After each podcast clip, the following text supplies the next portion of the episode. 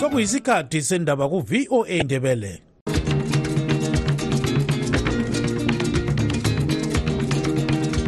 Amatshono zihlobo siyalamukela kuhlelo lwethu lwezindaba eziphathelane lezimbabwe kustudio 7 eya voice of america sisakaza sisewashington dc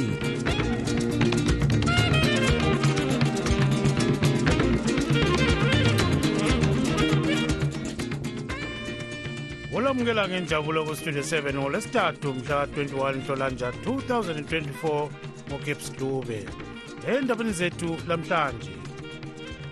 Your excellency baba umnangagwa ndodanga kuzivisa ikoga kuti isu kuno kumasvingo tinotenderana nerwi pavision 2030 tinoti 2030 baba munangagwa vanenge varipo ngosuku lokunanza i-national youth day inkokheli yebandla lezanup f emaswingo iveza ukuba izasekela isinqumo sokuthi umongameli emerson mnangagwa abuse kwehlandla lesithathu i-third term.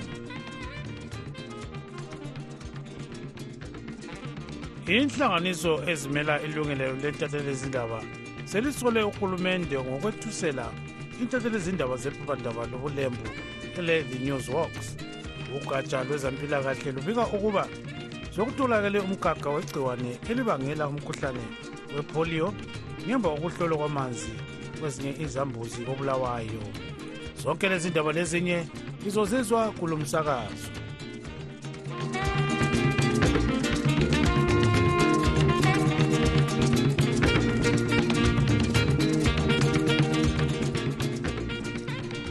inkokheli yebandla lezanup f emaswingo ithi izasekela isinqumo sokuthi umongameli emerson mnangagwa abuse kwehlandla lesithathu i-third term besithi bazalwisana lalabo abazazama luvimba lelinyathela. Kubika umlondolozi ndlovu. Lokhu kuphume embuthanweni wokunanza usuku lwabatsha olwe-national youth day okulikhefu elaqala libizwa ngokuthi yi-21st february movement. Usuku lolo lwalungolokunanza ilanga lokuzalwa kowayengumongameli umnumzana robert mugabe. Ekhuluma kulo mbuthano umgcinisihlalo wezanup f emaswingo umnumzana robson mavenyengwa. Uthe isigaba semaswingo sifuna umnankagwa abuse kuze kuyefika umnyaka ka-2030 tinoti 2030 baba munangagwa vanenge varipo mongameli baba mnangagwa ngithanda ukulazisa ukuba thina lapha emaswingo sivumelana lani ukuba liqede uhlelo lwevision 2030 ngiza kuthi mina ngo-2030 ubaba umnangagwa uzabe esasekhona. Ekhuluma embuthanweni lo umnankagwa uthi unkulunkulu nguye yedwa olamandla okutsho ukuba asuke nini esikhundleni. Kulomuntu oyedwa kuphela okwaziyo ukuba ngizasuka nini? Ngujehova. Kodwa abamabandla aphikisayo labenhlanganiso ezibona ngokulondolozwa ukwelungelo loluntu bathi okwenziwa yizanup f yikuphambana lesisekelo sombuso welizwe esalotshwa nguzulu njalo ukuphazamisa umbuso wentando kazulu. Isikhulumeli selinye lamacele awe-citizens coalition for change ccc umnumzana promise mkhwananzi uthi okwenziwa yizanup f yikwephula umthetho. Thina asivumelani lalokho okwenziwe ngubaba umnankagwa njengokhuluma ede sikwenza insuku zonke ezedluleyo umnumzana hebert jamuka okhokhela ibandla le-people's unity party uthi abantu bonke kumele bekwale okufiswa libandla lezanup f. Eh ngamatsotsi lawo abantu bezanup f labo bahamba bekankasa bemobilize ama-province. Ingcitshi kwezombusazwe esebenza lenhlanganiso ye-people power umnumzana pride mkhono uthi akusoze kube lula ukuthi umnankagwa akwenze lokhu. I-constitution njalo- njalo iye phambili ithi nxa umuntu efuna ukutshintsha um i-provision yona leyi kumele um iye ku-referendum lapho abantu bezimbabwe bazavota khona bonke nje bonke abantu abale- abale-above 18 years abalezithupha bevote bethi bona bayafuna yini ukuthi i-constitution itshintshwe? Ekhuluma emaswingo namuhla umnankagwa ukhuthaze abatsha ukuba baqakathekise ukunanzwa kwelanga leli ngoba lusuku lwabo uthe uhulumende wakhe wenza konke okusemandleni akhe ukuqakathekisa imisebenzi eyenzwa ngabasakhulayo ngoba beyinsika yentuthuko yelizwe. Isisekelo sombuso welizwe sikubeka sobala ukuba kumele kwenziwe ireferendum uma kule bandla elingafisa ukuguqula isisekelo sombuso welizwe. Okwamanje ibandla le-zanup f lilamandla okwenza lokhu edale le-house of assembly kodwa libhekane lobunzima kudale lesenate ngoba alilabantu abenelayo abangavotela okufiswa libandla le-zanup f. Kungaze kwenziwe ireferendum akuvunyelwa ukuba umongameli osesikhundleni okwamanje abuyele esikhundleni. Umnankagwawa wake watshela umsakazo wecable news network ukuba uzahlala esikhundleni kwesikhathi esihlelwe yisisekelo sombuso welizwe kuphela. Wathi uzadedela abanye isikhathi sakhe sesifikile. Ngimele istudio 7 ngiseharare ngumlondolozi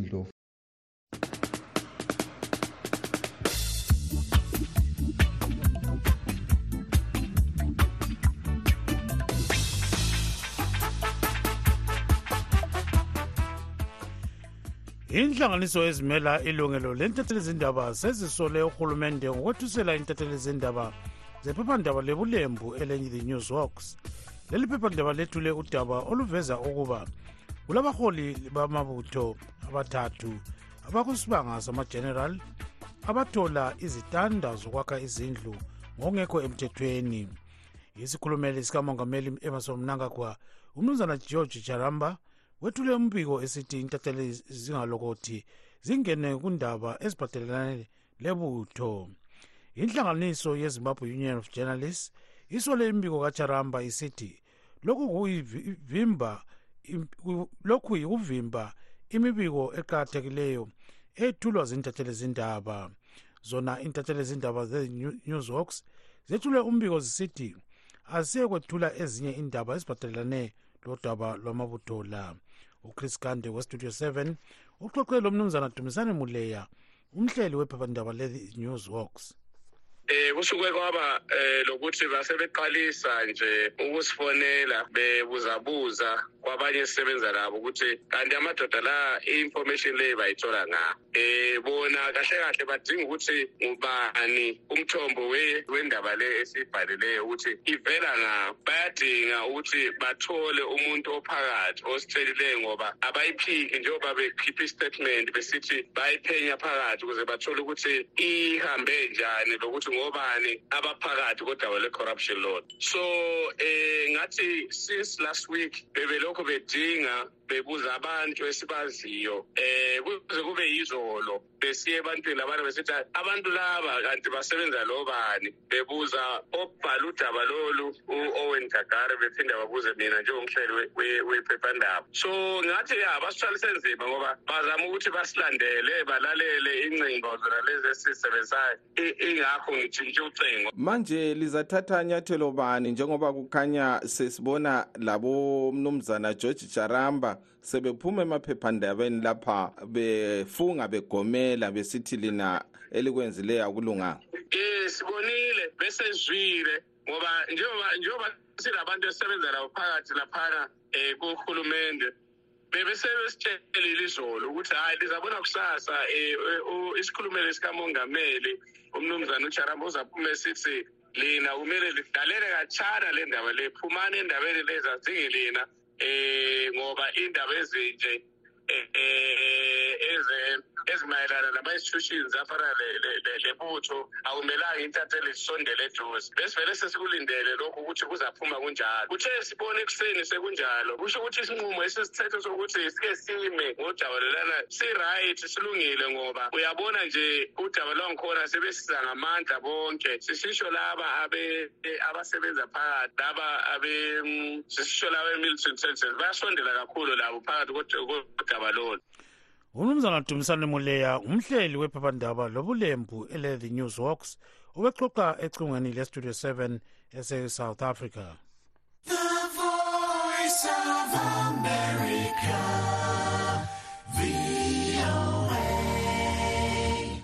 udubo lwamanzi luqhubekela phambili kobulawayo. Umanisipala wedolobho esengezelele amalanga okuvalwa kwamanzi kulandela ukufa kwemishina yokuwapompa esuka emadamu. Umeya waleli dolobho umnumzana david coltart waze enkundleni yokuxhumana e-x ukuthi amadamu akwabulawayo. Awanelisanga ukuthola amanzi eneleyo ngoba alokhu ewomile.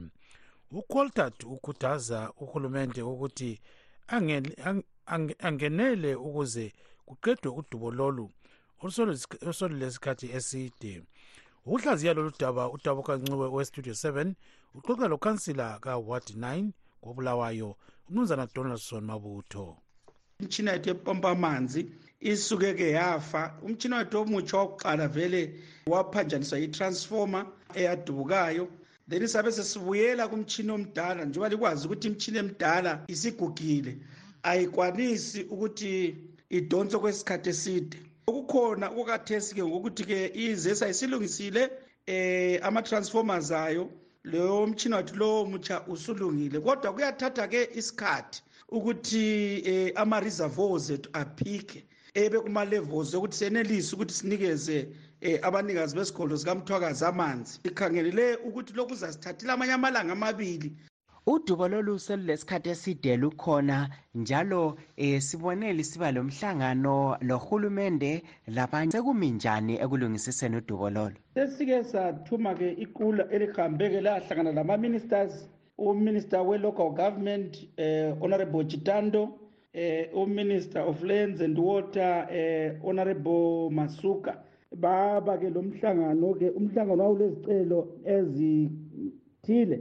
Esakuqala-ke singiso esokuthi sideclare sinike i-declaration ukuthi ibulawayo kumele inikwe isicoco ukuthi it's a, a water crisis city. So we really needed i-declaration le ukuze isincedise-ke ukuthi ivule-ke i-funding from government lamanye sithi ngama-potential players asincedise.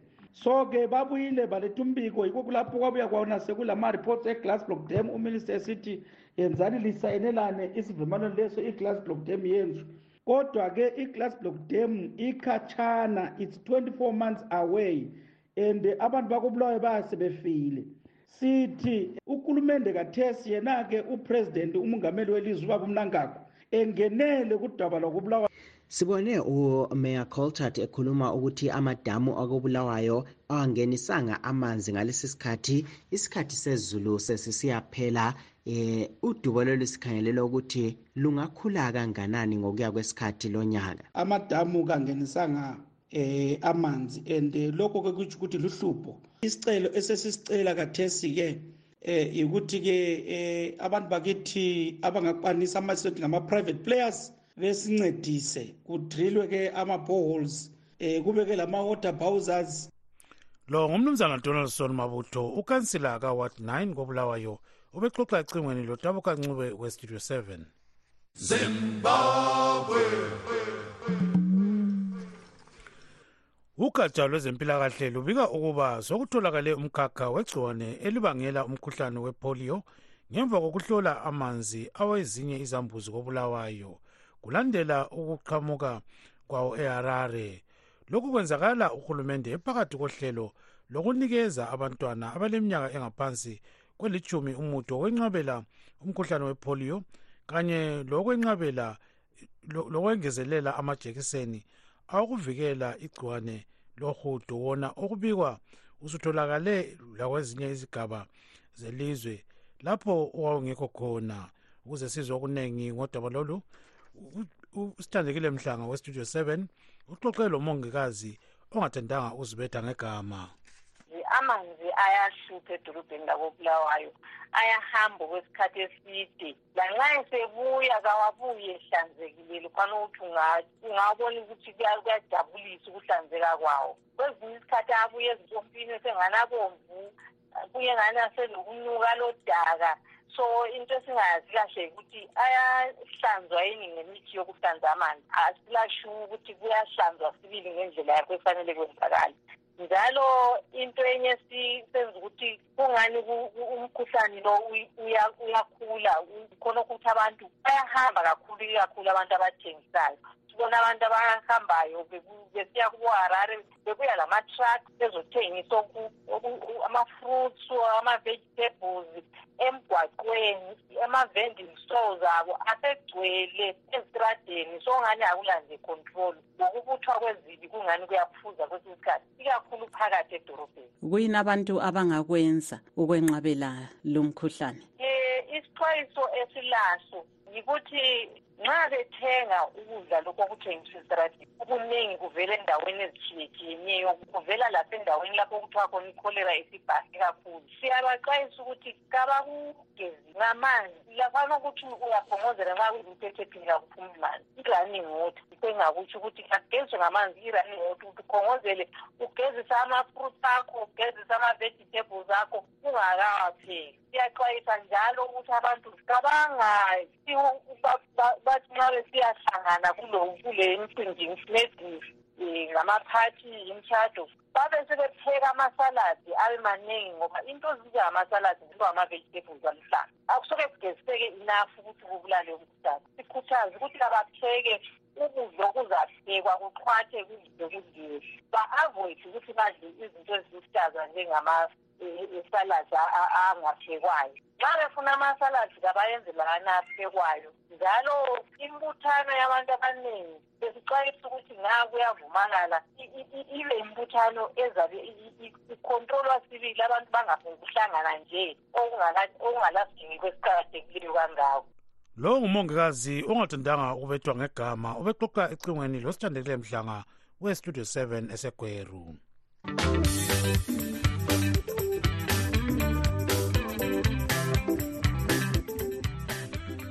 umthethwandaba we-high court usunqume ukuthi ikholiji lebulawayo polytechnic akumelanga liphoqe abafundi ukuthi babhadale imali yefees ngedola lemelika kuphela ngoba lokho yikwephula umthetho. Ikholiji leli labotshiswa ngomunye umfundi udanford prosper gudakani sithole encediswa ngamagqwetha enhlanganiso elwela amalungelo oluntu ezimbabwe lawyers for human rights. Sixoxe lesikhulumeli senhlanganiso yabafundi ezinaso kobulawayo umnumzana chris fundirwa othi bayajabula kakhulu ngalesi sinqumo. Siyajabula kakhulu ngesinqumo lesi ngoba nje ayisikho okokuqala lokhu. Kwenzakala njalo lase-harare port so nxa kwenzakala njalo egawa port siyajabula kakhulu ukuthi amandla wethu awelibhasi amanye amakoliji wona enza njani? Kawabhadalisi lawo ngedola lemelika kuphela yini?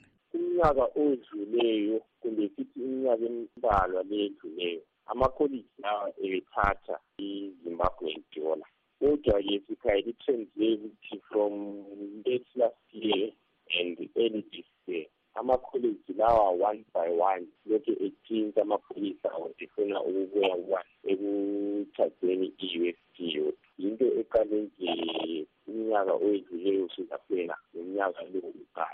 emakolishini lapha ungathi unjani umumo? Bakhona yini abafundi ngobunengi kumbe bakhona labo abaningi abehlulekileyo ukubhadala ifees?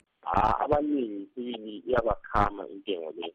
Abaningi sibili iyabakhama ngoba abazali njengoba lisazi ukuthi siyama-students more than ninety percent yethu singabantu abagcina abazali. And abazali bethu bambalwa sibili abahola bona exclusive us dollar and balutshwane njalo abahola imali enelisi ukuthi bebhadale um intengo esizibona kuma-portal wethu. So kunje so ha iningi sibili lethu ye kodwa-ke besithi nje abafundi siqale silise ukuthi beqale bengathathi i-us bethathe i-nrpcs then sesisuka lapho-ke sesizama sibone-ke ukuthi singalisa njani ukuthi intengo yamafees um kuma-university wonke nje jikelele yehle ngoba kunje so hayi phezulu kakhulu iphezulu kakhulu. Imalini lapho ngathi kudula khona kakhulu? Amanye amakholiji abhadalisa as high as nine hundred us dollar amanye akuko-six hundred us dollars. Intengo nje zisuka khonapho nje from four hundred up to nine hundred yiyo range yamakholiji amaningi. And sikhayele ukuthi abazali bethu ungabona umzali ehola four hundred us dollar even next ibuya i-r t g s. Haba lutshwane kakhulu. Iningi two hundred to four hundred that is the range. So uyawubona ukuthi umholi womzali wonke wonke wenyanga yonke awukwani ukuthi umbhadalele mina isimesi singakhangeli amachaji kanjengabo-accommodation transport upkeep stationary konke lokhu so sibone ukuthi hhayi intengo yemfundo sibili haha iyasikhama hhayi kancane. Umnumzana chris fundirwa yisikhulumeli senhlanganiso yabafundi eyezinasu kobulawayo. Ubexoxa lo ntukamela inkomo kwestudio 7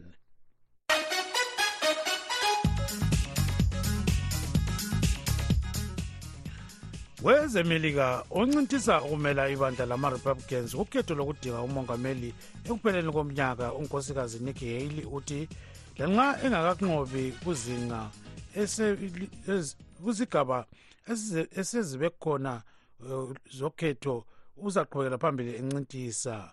Ngomgqibelo kuza kuba lokhetho lwama-primaries esigabeni se-south carolina lapho okudabuka khona uhaley. Ucwaningo olukhona lutshengisa ukuba uhaley uzanqotshwa esigabeni lesi.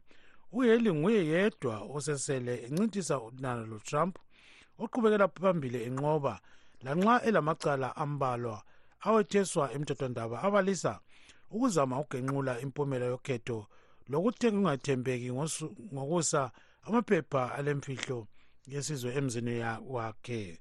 Sixoxe la- lolandela izombusazwe umnumzana dan moyo.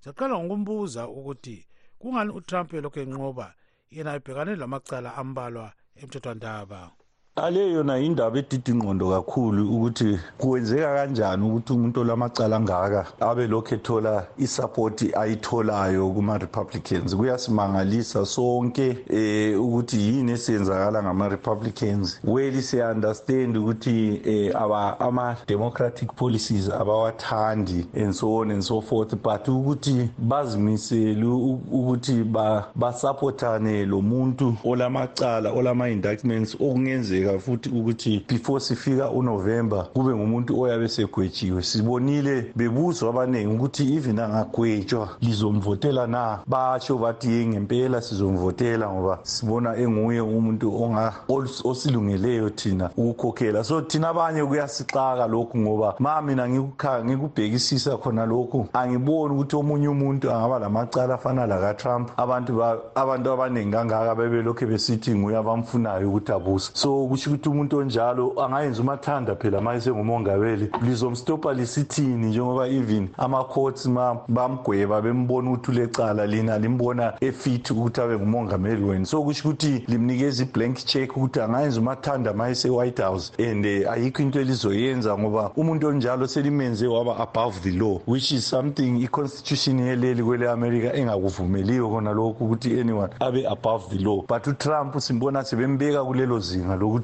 u-above the law ama-republicans so thina sesithandazela ukuthi the rest of america ah, ingqondo zabo ezilokhu zisasebenza abasoze bakuvumele lokhu. Um njalo bazovotela ubiden ngonovemba ukwenzela ukuthi bastophe ubuhlanya lobo esibubonayo umnumzana dan moyo ngolandela izombusazwe ubexoxa ecingweni lestudio 7 esevirginia khonapha kwelemelika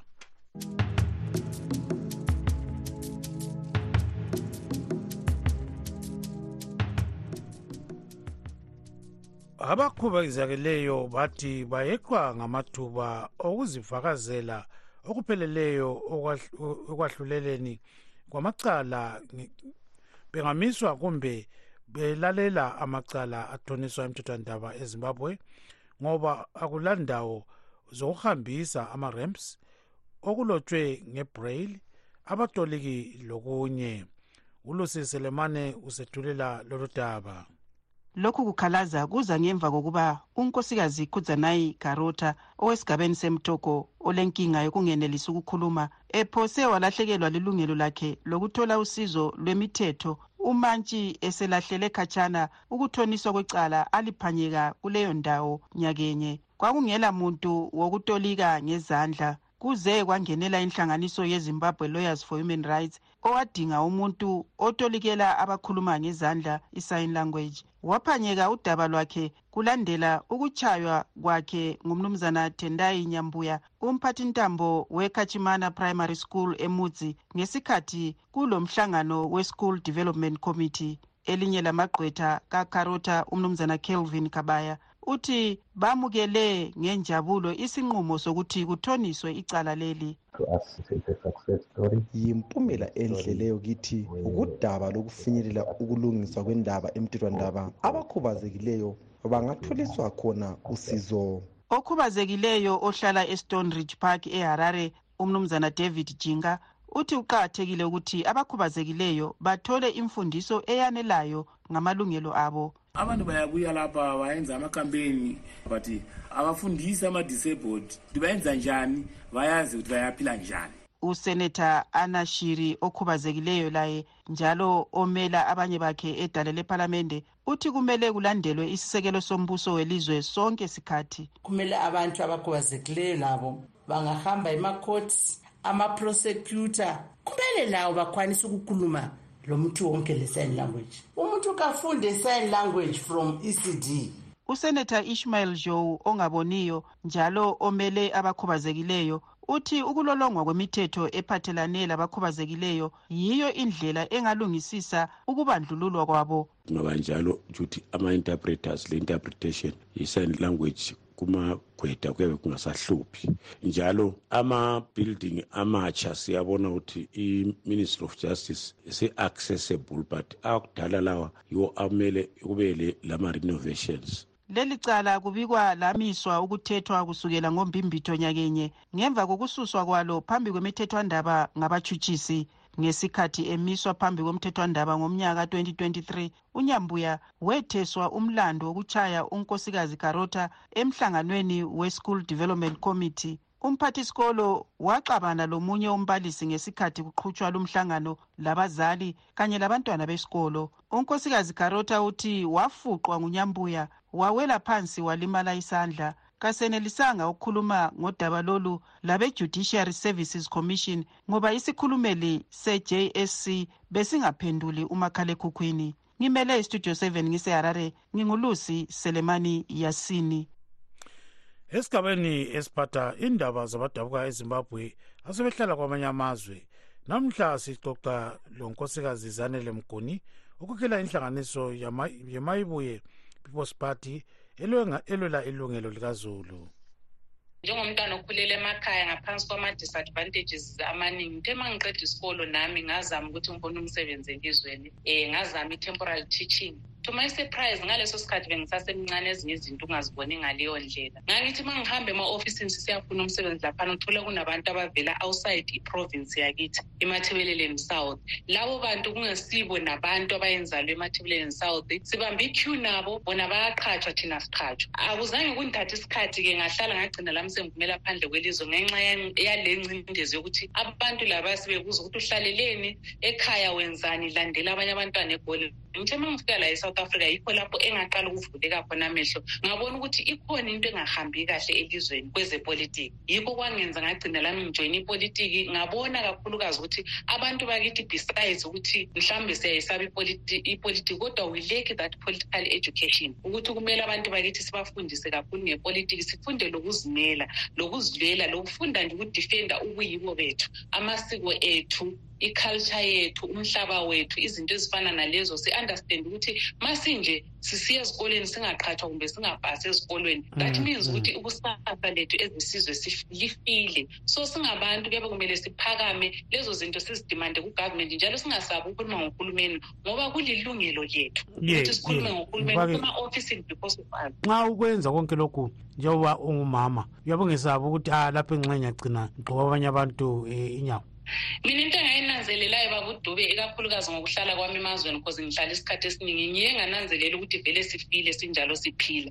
Ngiyalwa angili ungcono olwayo afele ekulweni. Unawe othi usaba ukulwa. Kodwa ekugcineni uzofa ngale ndlela ebuhlungu. Siyabagxoba izinyawo kodwa kulilungelo lethu. Siyaphila emhlabeni asizile ukuzoncindezelwa ngabanye abantu. Kodwa kumele sililwele ilungelo lethu. Njengoba nabo bephakamile bathi bafuna ukusibusa nathi kumele silwele amalungelo ethu singabantu. Ipolitiki vele njalo siyabagxoba izinyawo kodwa ma ngilwela ikusasa labantu abami angiyiboni inkinga lapho because ngilwela igeneration engabonwayo ngilwela isizukulwane esingekho. Angifuni ukudlula emhlabeni abantu abami besale bephila le mpilo engiyiphilileyo angifuni ukudlula emhlabeni abantu abami besale bengelandawo yokuphila. Just because mina ngesaba ukulwa. Yonke into emhlabeni iyimbi ungazibona ungafuni ukulwa. Kutsho khona ukuthi kukhona ongakakuzwisisi ngempilo. Kumele siwulwele umhlaba kumele silwele ukuphila kumele silwele i-service delivery kulabo abasiphetheyo yonke into vele is about fighting lo nkosikazi zanele mguni wenhlanganiso yemayibuye people's party oluvalisa ngenjabulo umthembo sithemba ugibbs dube lilale